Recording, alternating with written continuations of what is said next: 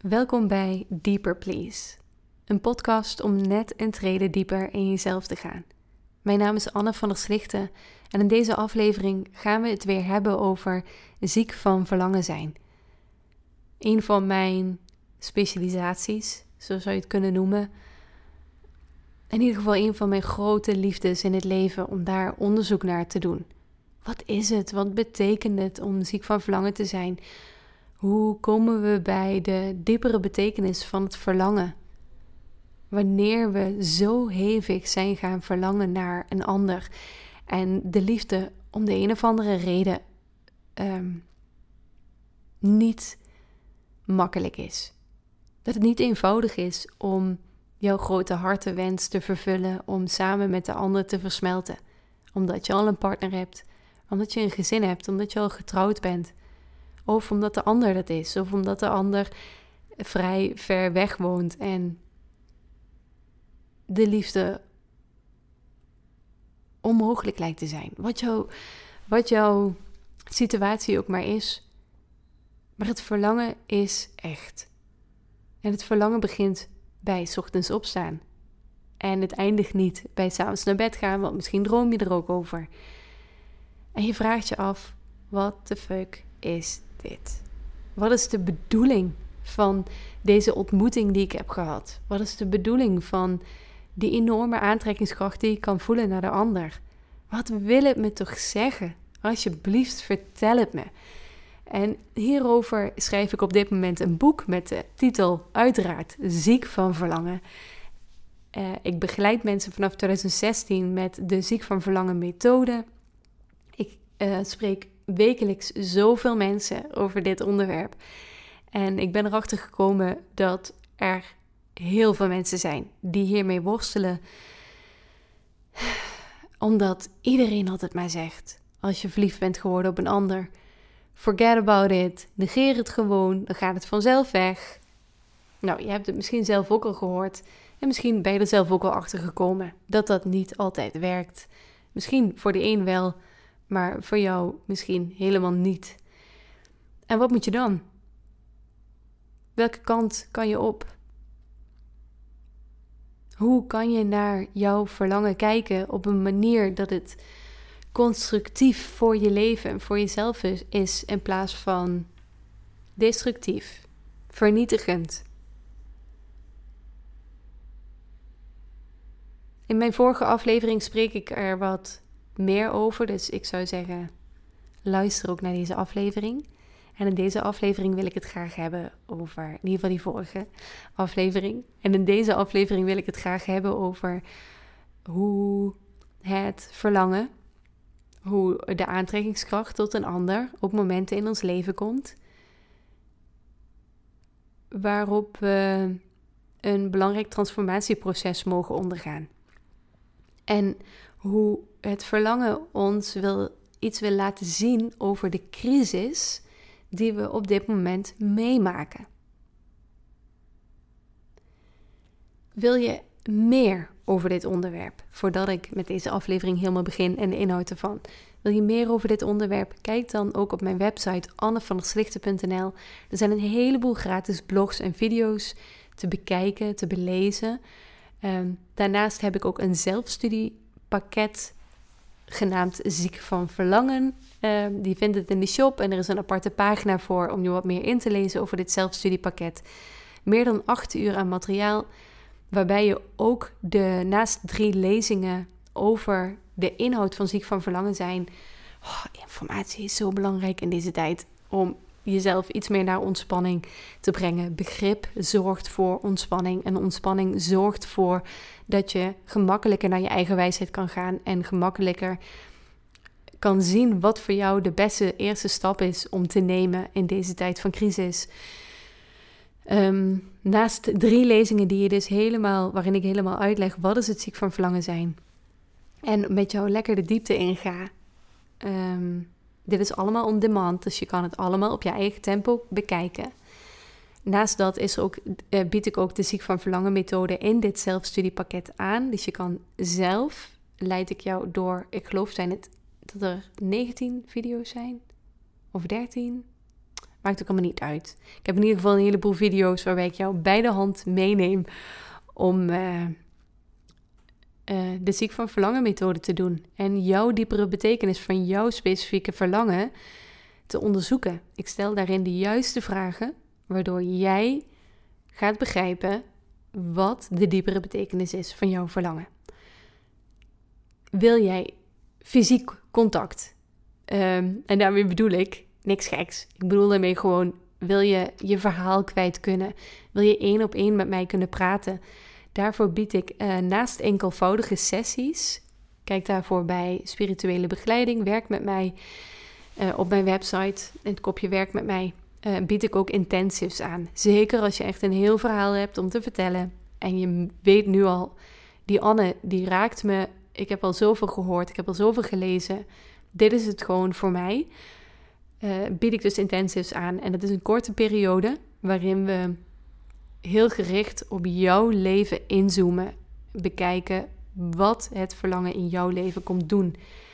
En waarom het juist nu in je leven komt. En wat jij eraan kan doen. Hoe jij, uh, welke handvatten, welke, wat het verlangen, de diepere betekenis van het verlangen, welke handvatten het voor jou aanreikt om met deze situatie in je leven om te gaan. Klinkt misschien allemaal een beetje vaag, maar misschien ook helemaal niet. En ik hoop op dat laatste. Maar laten wij naar de blog gaan. Uh, de liefde redt ons hoe verliefdheid op een ander als een geneesmiddel kan werken. Ik zal hierin een voorbeeld uit de praktijk met je delen. En uh, we gaan hem gewoon doornemen. Je kan hem ook lezen op de website. Maar ik vind dat het wel heel fijn om, terwijl ik de afwas aan het doen ben, of aan het wandelen ben, naar podcasts te luisteren. Dus als jij iemand bent zoals ik, hoi, laten wij de inhoud bespreken. Hoe verliefdheid als een geneesmiddel kan werken. Hoe zit dat?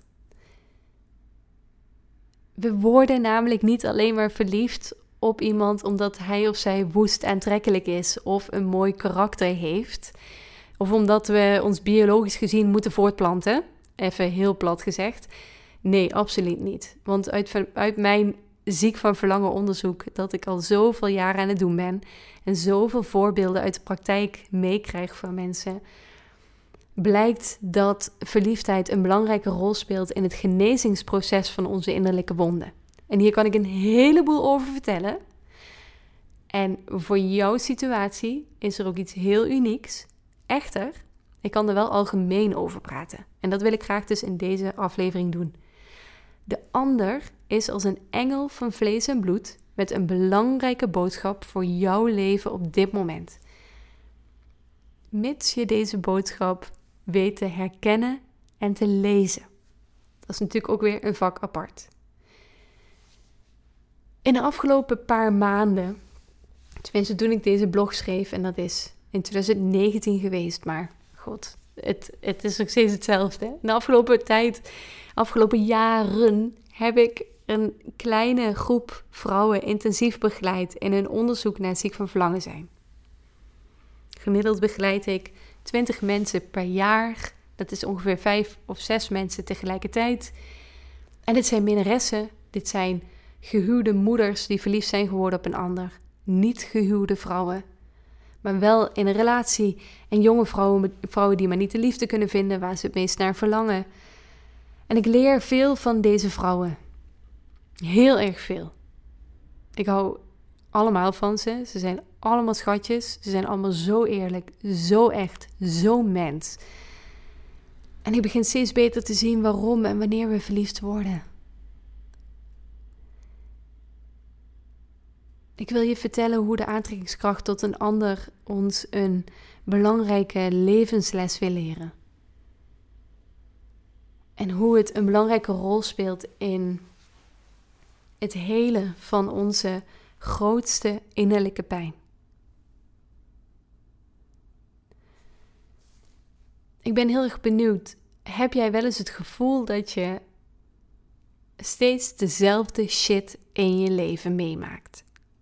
Misschien niet in de vorm, maar dat de problemen die op je pad ontstaan, ehm, dat ze dus van de buitenkant, oh, ik sla mijn elleboog tegen de tafel, dat ze dat de problemen van de buitenkant verschillen, maar van binnen altijd hetzelfde aanvoelen.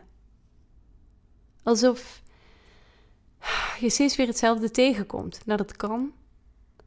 Want grote innerlijke wonden en belangrijke onverwerkte pijn, vaak afkomstig van onze kindertijd, maar het kan ook systemisch zijn. Dus vanuit de vorige generaties, je moeder, je ouders, je overgrootouders, je overovergrootouders, zelfs tot um, ehm, 16 generaties terug gaat dit.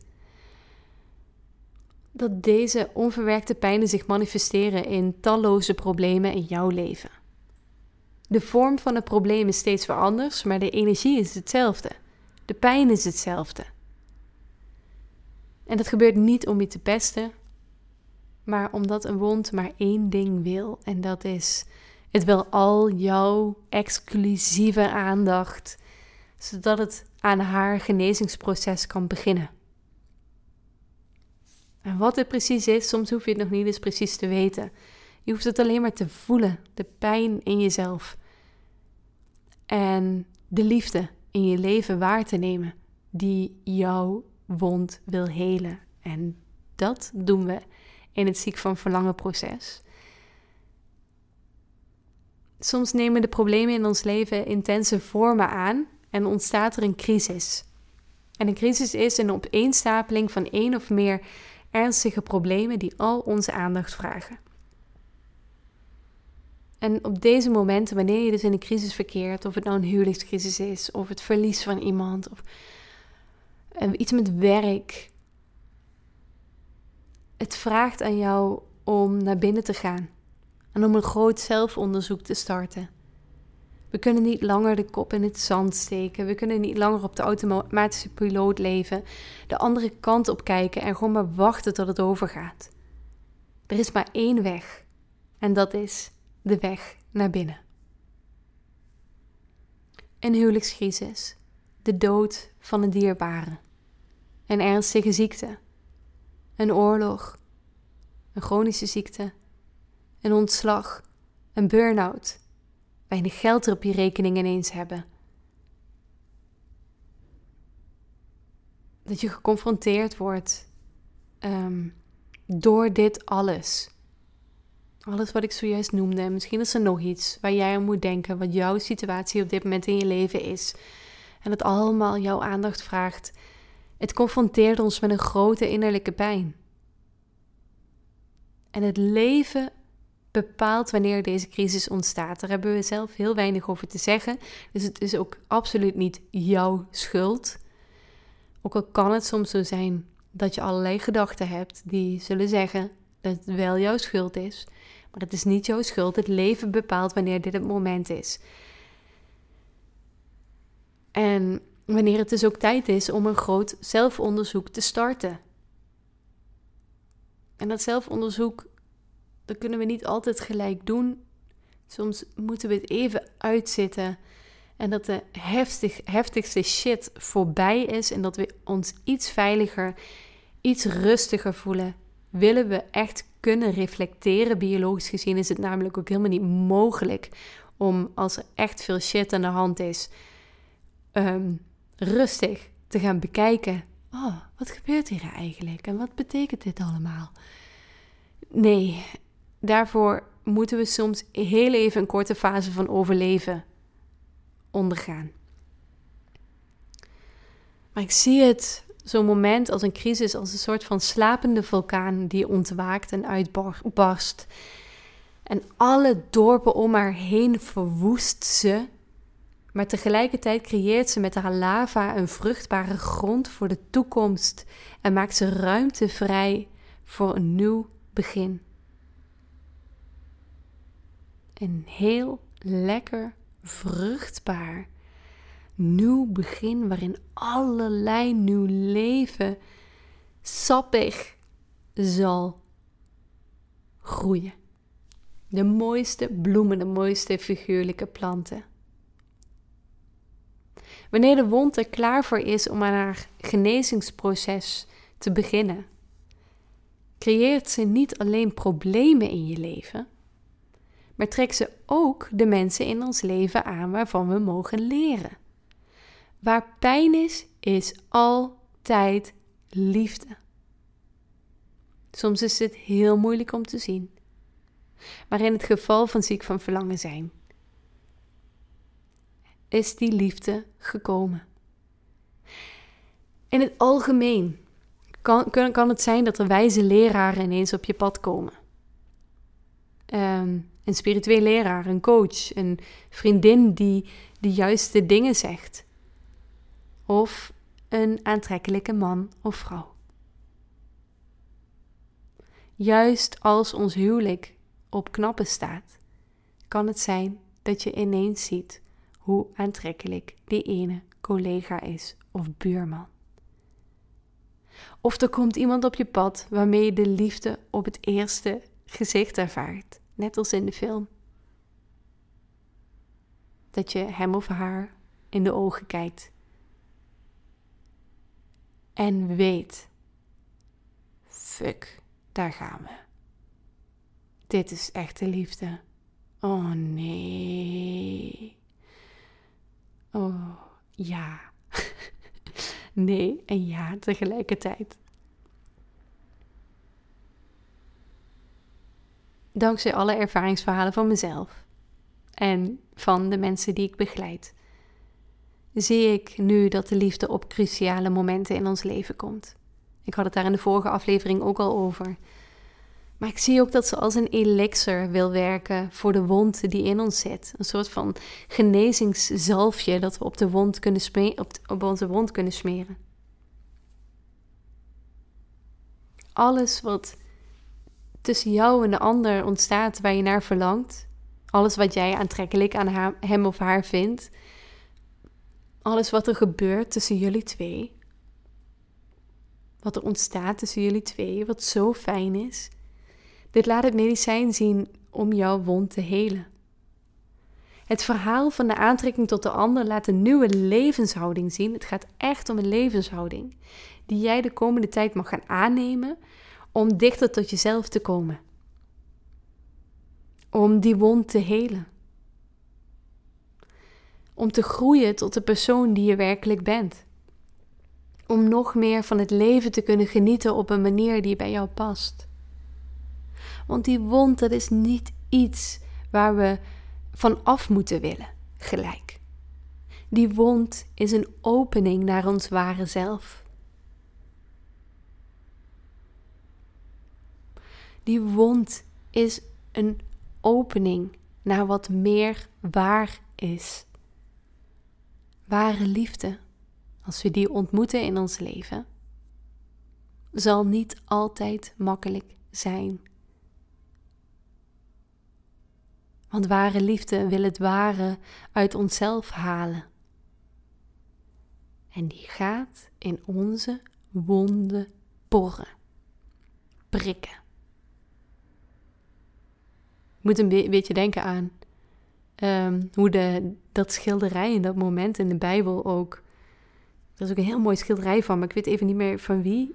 Ehm, dat Jezus terug uit de dood is en dat hij al die wonden heeft. En dat dan de ongelovige Thomas in zijn wonden gaat prikken met zijn vinger. Het is echt ook een beetje vies, dat schilderij.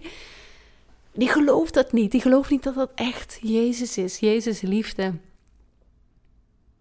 De, zo de, die zo de ultieme belichaming in de Bijbel ook is voor ultieme liefde, hè? dat bedoel ik.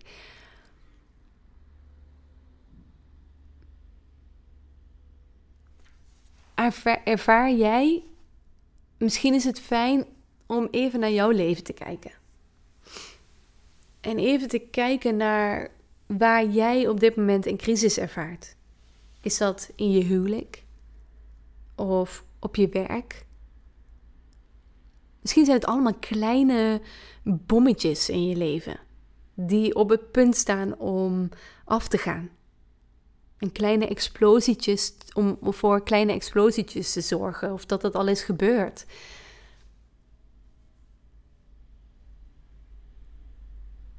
En ben jij nu ook verliefd geworden op iemand? Verlang je naar iemand? Is misschien zelfs verliefdheid een soort kalverliefde woord dat, waarmee je helemaal niet in herkent, omdat het zoveel meer is dan dat.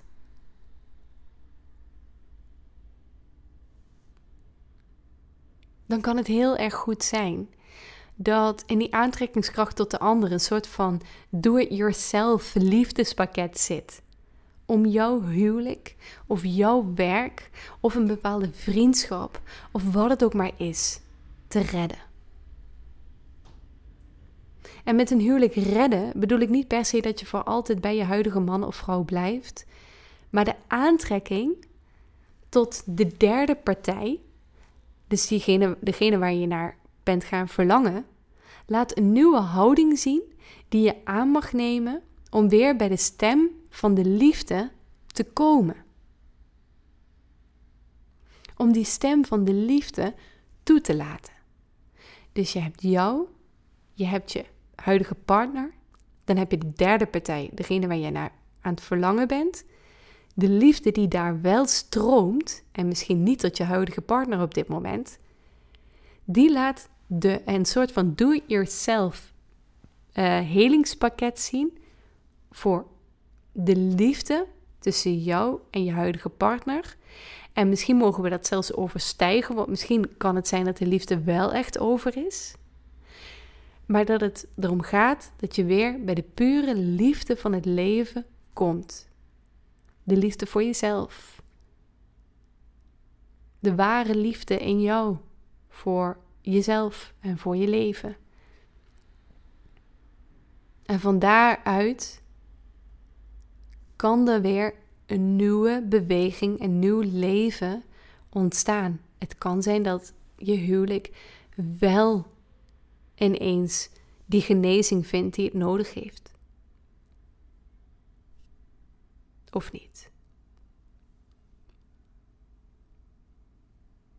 Maar vanuit die stem, ehm, die derde partij, die laat dus een nieuwe houding zien die je aan mag nemen om weer bij de stem van de liefde te komen, zodat je van daaruit een gezonde, wijze keuze kunt maken of het goed is om bij je huidige partner te blijven of niet. Het gaat allemaal om een houding. Wat is een houding? Nou, even heel simpel gezegd. Als jij een ruimte binnenkomt en er zijn allemaal mensen in die ruimte en dat kan, want corona is over. Er zitten, zijn heel veel mensen in die ruimte. En het is veilig om in die ruimte te zijn. en ligt eraan of je wel of niet in corona gelooft. Maar het is helemaal oké in die ruimte. Ga even niet aan die discussie beginnen.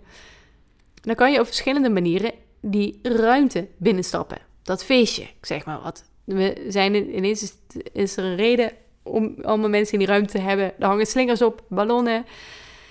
Je komt daar binnen en je kan op verschillende manieren binnenkomen. Je kan met je armen over elkaar daar binnenkomen en een beetje serieus om je heen kijken. Of je hebt je armen niet over elkaar. Je hebt ze los langs je lichaam hangen en je kijkt uitnodigend de ruimte in. Dit zijn twee verschillende houdingen. Natuurlijk heb je ook veel meer nuances op houdingen. Maar hoe jouw houding mag zijn naar de problemen die je nu in je leven uh, tegenkomt, dat is de houding wat jij nu ervaart tussen jou en de ander, of wat die ander laat zien, wat hij of zij zo eigen heeft gemaakt in zijn of haar leven. Voorbeeld, alsjeblieft. Ik snap er niks van. Oké. Oh, misschien wel. Nou, nog eventjes kortom, de onbereikbare persoon waar we naar verlangen en uh, die aantrekkingskracht tot hem of haar toont een geneesmiddel om de pijn en de problemen die we nu ervaren op te lossen in liefde. Zodat er meer lichtheid en liefde in de situatie kan komen, waarvanuit je de juiste keuzes kan maken. We kunnen alleen maar shit oplossen met liefde. Honey, alleen maar op die manier. Voorbeelden, goed, daar gaan we. Even een slokje water en dan gaan we. Heeft die ander een vrij nuchtere levenshouding die je enorm aantrekkelijk vindt? Dus die ander is bijvoorbeeld vrij krachtig en die heeft ook zoiets van: wat andere mensen over mij denken, I don't give a fuck. Uh, excuse my French. Maakt me helemaal niks uit. Ik doe gewoon wat goed voelt voor mij. Terwijl jij bent iemand die zich eigenlijk altijd best wel druk maakt over wat andere mensen van je vinden. Um, is hij of zij daarbij speels, aards en heeft hij of zij een enorme dosis humor? Dus wat hebben we? Een nuchtere levenshouding, een krachtige levenshouding, speels, aards, enorme dosis humor. Dit zijn al vijf punten van een levenshouding. Dan is dit het recept van de zielendokter voor de komende tijd. Door deze eigenschappen meer te beoefenen in je leven, dus om die uh, meer op te zoeken in je leven, kom je op een totaal nieuw spoor waar nieuwe antwoorden over jezelf te vinden zijn. Nog een voorbeeld? Ja, alsjeblieft. Ik krijg zelf nooit genoeg van voorbeelden, dus daar komen ze. Misschien vind je zijn of haar studerende houding zo mooi. De avontuurlijke geest, de liefde voor de natuur. Dan is ook dit wat jij meer mag uitleven de komende tijd.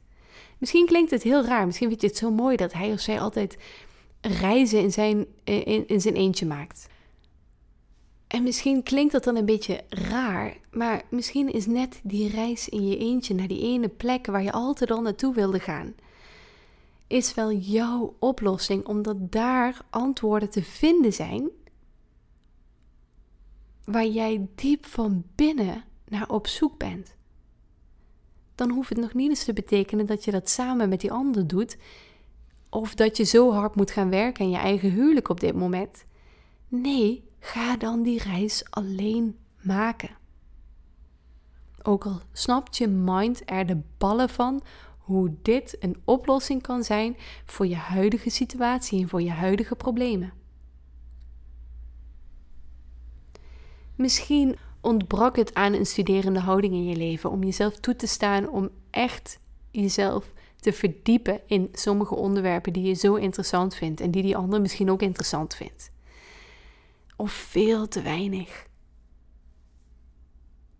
Of misschien vind je het fijn dat, dat je zo kwetsbaar bij die ander durft te zijn. Dat je als het ware naakt, zielen naakt, emotioneel naakt voor die ander durft te staan. En hoe kan je deze kwetsbaarheid de komende tijd meer in je leven toepassen? Er komt zo een uitgebreide voorbeeld over dit specifieke voorbeeld van kwetsbaarheid. De mensen die ik begeleid, roepen op deze momenten als ik dit zeg al heel vaak: ja, ja, ja, ja, dat weet ik wel al. Oh, ik doe dit toch allemaal al wel. En soms zeggen ze: hmm, dit doe ik wel, maar niet zo heel veel. Mijn antwoord in ieder geval is stevast. Dat weet ik. Dit zijn ook eigenschappen die waarschijnlijk heel bekend voor jou in de oren klinken. Hetgene dat je zo aantrekkelijk vindt aan de ander. Dit zijn ook eigenschappen van jouw persoonlijkheid. Maar weet ook, ook echt dat deze eigenschappen belangrijk voor jou zijn. Dit is jouw zuurstof voor de komende tijd. Het is net zo belangrijk als eten, als plassen, als poepen. Dit is jouw redmiddel. Dit is jouw reddingsboei in tijden van crisis. Deze houding gaat jou er doorheen trekken. Hoogstwaarschijnlijk praktiseren ze veel te weinig en nemen ze helemaal niet serieus. Omdat jij in een veel te strakke, serieuze houding op dit moment zit. Zoek dan dat avontuur op. Zoek die studerende houding op. Wat het ook maar is wat jij aantrekkelijk vindt. Dit is jouw weg. Je houdt je nog veel te veel in. En ik adviseer helemaal niet dat je nu vreemd moet gaan. Als je in die houding wil duiken. Maar ik adviseer je om te onderzoeken wat je, zo wat je precies zo aantrekkelijk vindt aan die ander. En hoe je dit praktisch gezien meer in je dagelijks leven zelfstandig kunt toepassen.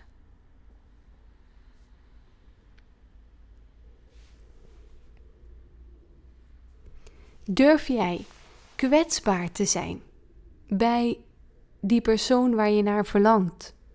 Oh, zo mooi emotioneel naakt. En daar geniet je zo van. Maar durf je dit niet meer te zijn bij je huidige partner? Want als jij net als ik al langer in een relatie zit, dan maak je de nodige shit mee en dan komen er hier en daar muurtjes. Maar misschien is het wel net die emotionele kwetsbaarheid die je nodig hebt in je eigen huwelijk om dat weer aan te durven. Hoe praat jij bij de ander, maar wat doe jij niet meer thuis? Durf jij imperfect bij de persoon te zijn waar je naar verlangt, maar eis je perfectie op het thuisfront? Is niets wat jouw partner of je kinderen doen goed genoeg en vooral je partner, hè? Probeer eens alles wat tussen jou en jouw geheime liefde ontstaat, thuis en of op het werk, bij je vrienden, familie, toe te passen. Wat zou er dan gebeuren?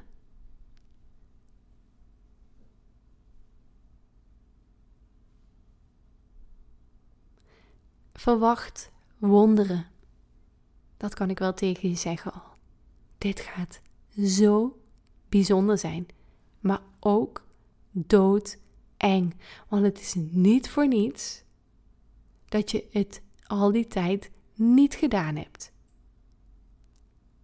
Je gaat geheid de pijn tegenkomen die nauw verbonden is met jouw wond.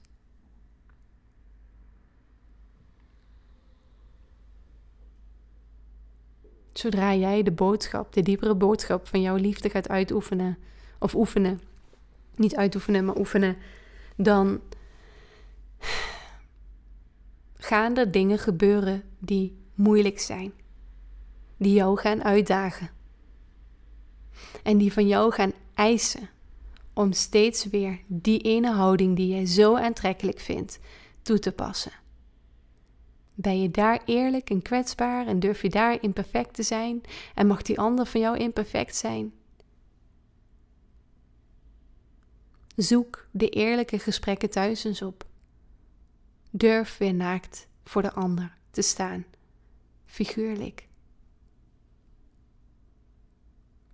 Of begin gewoon eens met kijken naar al die momenten dat je dat niet doet. Dat je zegt, ja, ja, het gaat goed, was allemaal goed op het werk. Ja, prima, prima. Maar eigenlijk was het wat anders. Want tegen jou ziek van verlangen, zo noem ik degene waar je naar bent gaan, gaan verlangen. Want tegen jou ziek van verlangen zou jij iets heel anders zeggen.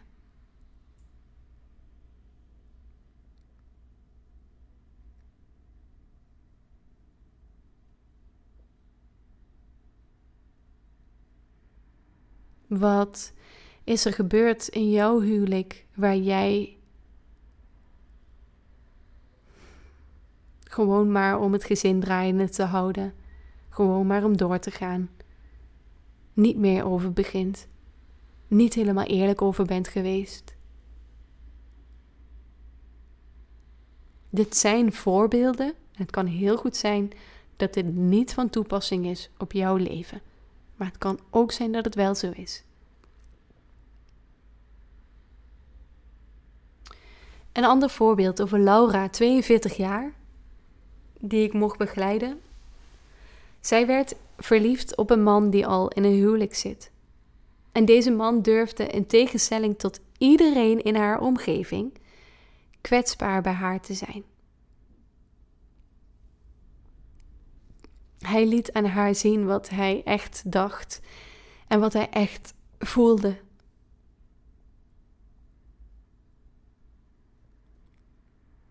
Laura vertrouwt haar innerlijk aan maar weinig mensen toe door iets wat er gebeurde in haar jeugd. Ze opent zichzelf niet zo gemakkelijk. En wat hij bij haar doet, vindt ze heel bijzonder. Bijna niemand om haar heen doet dit. En terwijl, terwijl hij dat bij haar doet, voelt ze hoe ook zij steeds meer van haar innerlijk leven begint te delen. En hoe fijn dit is. Hoe fijn het is om niet perfect te hoeven zijn. Om niet te bang te hoeven zijn om haar innerlijk leven te delen.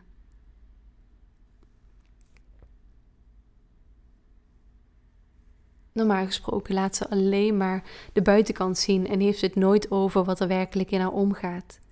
Maar de nieuwe man in haar leven die wist daar doorheen te prikken. Deze man was op een dag rechtstreeks haar emotionele binnenwereld binnengestapt en liet zien dat het veilig is om haarzelf te uiten bij hem. En om, omdat zij zichzelf mag zijn en dat ze niet alleen maar dat een verhaaltje over wie ze is aan anderen hoeft te tonen, maar dat ze echt zichzelf mocht zijn. Hij liet zien wat kwetsbaarheid werkelijk is, wat, wat zacht zijn betekent. Wat het betekent om iemand te durven vertrouwen en daarin te durven ontspannen. Hij was haar leraar.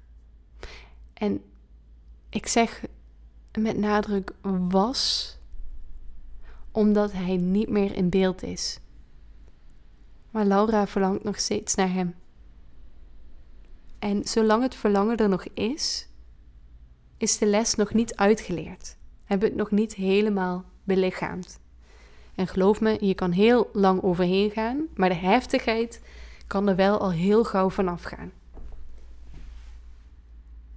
Zeker als de relatie niet mogelijk is, nodigt het leven je in de meeste gevallen uit om een stapje dieper te gaan en om werkelijk dat verlangen in jou, um, om dat zelf te gaan belichamen. Om daar zelf echt iets mee te gaan doen. Weet je, als een ander wel mogelijk is, dan kan het nog steeds heel moeilijk zijn. Een hele lastige situatie. Maar als de ander er helemaal niet is, dan is het echt cold turkey. Um, dan is het echt afkicken.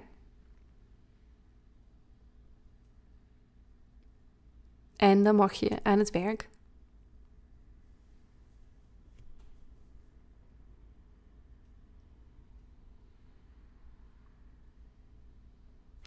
Laura's lover liet zien wat haar weg is om zichzelf te helen. En beetje bij beetje haar kwetsbaarheid te tonen en zo mensen te leren vertrouwen. Ze hoopt nog steeds dat een relatie mogelijk is, maar mijn advies en ervaring is dat ze de levensles mag gaan beoefenen eerst. Bij haar familie, bij hun vrienden. En niet alleen maar bij hem. En niet alleen maar verlangen dat dat ook alleen maar bij hem, dat dat, dat het dan genoeg zou zijn. En dat ze, nu hij uit haar leven is, gewoon weer haar oude leventje op kan pakken. Want nee, zolang die aantrekkingskracht, zolang dat verlangen er is, roept die les, roept die levensles ons. Roept die levenshouding ons. Zodat ze door middel van meer kwetsbaarheid in haar leven toe te laten, aan haar wond en aan haar wantrouwen, of haar wond van wantrouwen, zo moet ik het zeggen, kan werken en haar hart op deze manier kan helen. En op deze manier zal ze ook een zuivere vorm van liefde aantrekken. Misschien een man die, die niet bezet is. Misschien zal ze over een tijd de liefde tussen, of, of zal die liefde tussen hem, haar en, hem en haar wel mogelijk zijn.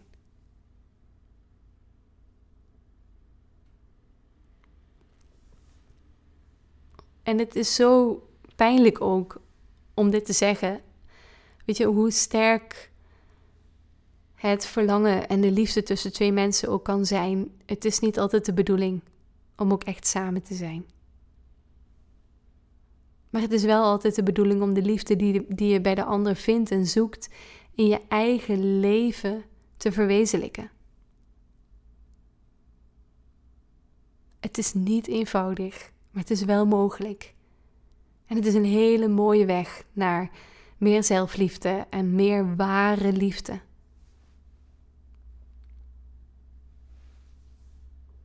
Persoonlijk val ik op nature geeks. Ik heb ervaren in de afgelopen jaren dat ik op mannen val die een grote liefde hebben voor de natuur. En met name mijn Ziek van Verlangen van 2018, waar ik ook in mijn boek Ziek van Verlangen over schrijf. En ook hier en daar in mijn zelfstudiepakket van Ziek van Verlangen, dat op de website te vinden is, over vertel. En hoe ik uh, daarmee om ben gegaan de laatste keer in 2018. Dus toen had ik al enige kennis over dit onderwerp. Um, en uh, hoe ik echt tot een hele mooie diepte in mezelf ben gekomen door alles van dit toe te passen in mijn leven. En ik vertel in het zelfstudiepakket en natuurlijk ook tijdens intensives hoe jij dit ook kan doen. Ehm, en hoewel ik wel op Nature Geeks viel, duurde het eventjes eerder voor die zomer van 2018. Duurde het even voordat ik ook echt door had dat de natuur heel belangrijk voor mij is. En dat ik dat veel meer in mijn leven mag toelaten om een gelukkiger mens te zijn. Sinds die laatste ziek van verlangen ga ik zo goed als iedere dag de natuur in en omring me met boeken, films en gesprekken over de natuur waarin ik in een, in een korte tijd veel gelukkiger ben geworden. Alsof ik um, eindelijk iets durf toe te eigenen waarvan ik jarenlang had gedacht dat het niet echt bij me hoorde. Ik uh, zat vroeger wel op scouting. En ik heb drie broers. Die waren allemaal heel stoer. Mijn stoere vader ook. En de natuur was eerder iets bedreigends voor mij. En hoewel ik ook niet echt een superstoere natuurchick ben, um, is het wel heel belangrijk voor mij en vind ik het interessant om te weten hoe alles werkt, hoe alles heet. En merk ik een verbinding op en een rust op in mezelf zodra ik veel meer in de natuur ben, die ik heel hard in mijn dagelijks leven nodig heb.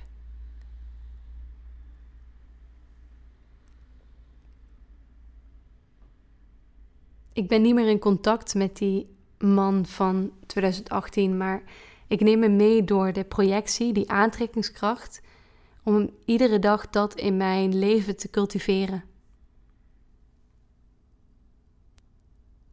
En op sommige dagen komt dat verlangen terug naar die ander. Maar dan weet ik ook dat dit de dagen zijn waarop ik me ver verwijderd voel van mijn eigen kern en mijn kracht. En dan denk ik, oh ja, wat is het ook alweer? Wat is die diepere betekenis van het verlangen voor mij ook alweer? En dan blader ik terug in mijn schriftje. En dan lees ik dat. En dan denk ik, oh ja, oh, dit mag mijn houding nu zijn. Het is eigenlijk, we zijn een soort van toneelspelers in ons eigen leven. En dat zijn dan de rollen die we mogen innemen. En waarmee we door een moeilijk moment kunnen gaan.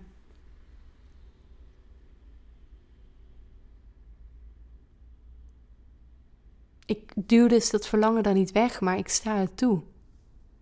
En dan vraag ik me af, wat zou hij, wat zou die nou denken? Of doen? Of wat zou ik doen of denken als ik hem aan mijn zijde had staan? De mind vindt het lastig om de persoon los te laten, maar het hart en de ziel weten dat het verder gaat dan alleen die persoon. En uiteindelijk hetgeen dat ik doe in mijn leven, dat helpt mij om door zo'n moeilijk moment te gaan. En om bij een diepere waarheid te komen over het moment. Ik kan vastzitten in het verlangen. Ik kan denken: waarom ben ik daar niet mee samen? Waarom, misschien moet ik maar weg bij mijn partner. Waar ik heel blij mee ben. Maar wat is werkelijk waar? Wat is het verlangen werkelijk? Het wordt tijd dat we onszelf die vraag gaan stellen. Het wordt tijd dat we niet meer zo afhankelijk gaan zijn naar die andere persoon. Daar zo aan hangen. Maar dat we onze aandacht naar onszelf brengen. Dat we onze aandacht niet meer zo richten op, oh, mijn relatie slecht en mijn huwelijk is slecht. Natuurlijk, dat is ook belangrijk om daar alle aandacht aan te geven. Natuurlijk, natuurlijk, natuurlijk. Maar het is ook belangrijk om de aandacht op onszelf te richten. Wat kunnen wij anders doen? Wat is die houding? Wat is die diepere betekenis van mijn verlangen? Wat vind ik werkelijk zo aantrekkelijk? En dat onderzoek kan je dus zelf doen in het zelfstudiepakket of in intensive of je luistert nog een keer ook naar de vorige aflevering waarin ik een aantal vragen stel die je enigszins op weg helpen.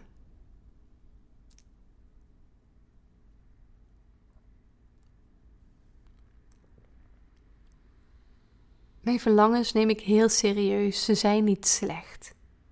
Ze zijn alleen maar een roep van het hart dat aan het roepen is: Kom bij mij, ik mis je, Anne.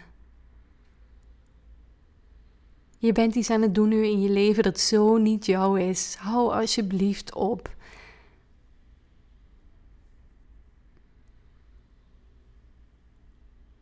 Waarmee ik, dankzij dat verlangen, dankzij die diepere betekenis van het verlangen, door de problemen die ik tegenkom, groei naar wie ik werkelijk ben.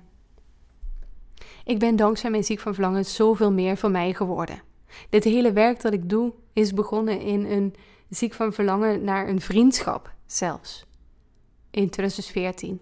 Waar ik jarenlang van heb gebeld dat die niet tot wasdom is gekomen. Maar omdat die afstand er is, moest ik blijven werken.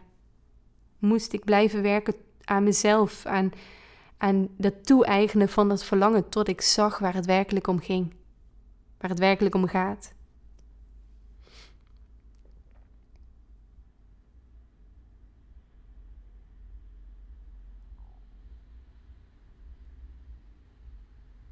En de pijn blijft net zo lang aanwezig.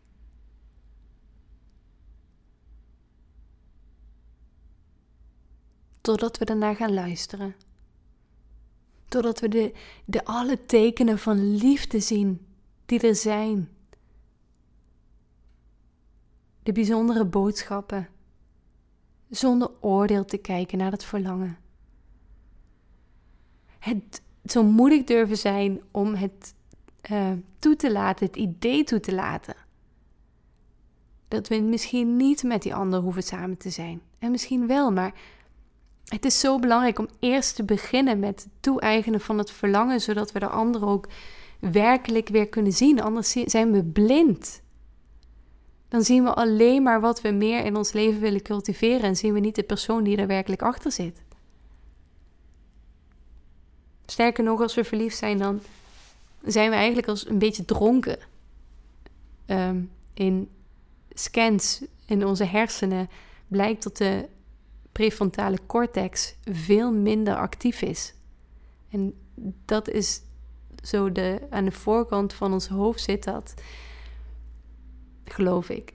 Als ik het verkeerd zeg, moet je het even tegen me zeggen. Hè? Want ik weet het even niet meer zo goed uit mijn hoofd.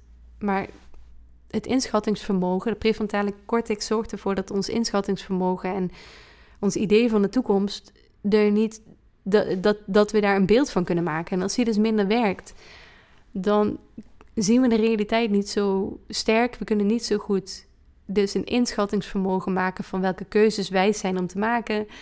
Dus het is belangrijk om je pas te vertragen. En het is belangrijk om dat onderzoek aan te gaan en om misschien die verliefdheid iets minder sexy te maken iets minder romantisch te maken.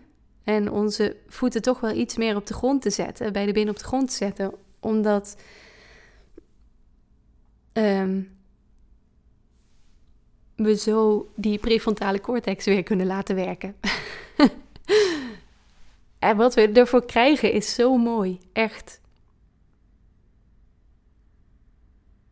Dankjewel voor het luisteren van deze aflevering. Wil je meer er zijn zoveel blogs, gratis blogs en video's op de website annevanderslichten.nl. Er is dus ook een zelfstudiepakket van ongeveer 8 uur aan materiaal. Met drie lezingen en de ziek van verlangen methode. En er is altijd de mogelijkheid om bij mij een intensive te komen doen. Ook meer informatie vind je op de website annevanderslichten.nl of zoek bij Google ziek van verlangen. En kijk wanneer je Anne van der Slichten tegenkomt. En uh, dat is de website. Weet dat je een schatje bent. Weet dat deze situatie niet makkelijk is. Dat het ook helemaal de bedoeling is dat het niet makkelijk is. Je weet dat je dit kan. Dat ik in je geloof. En. You've got this, honey. Dit, dit kan jij.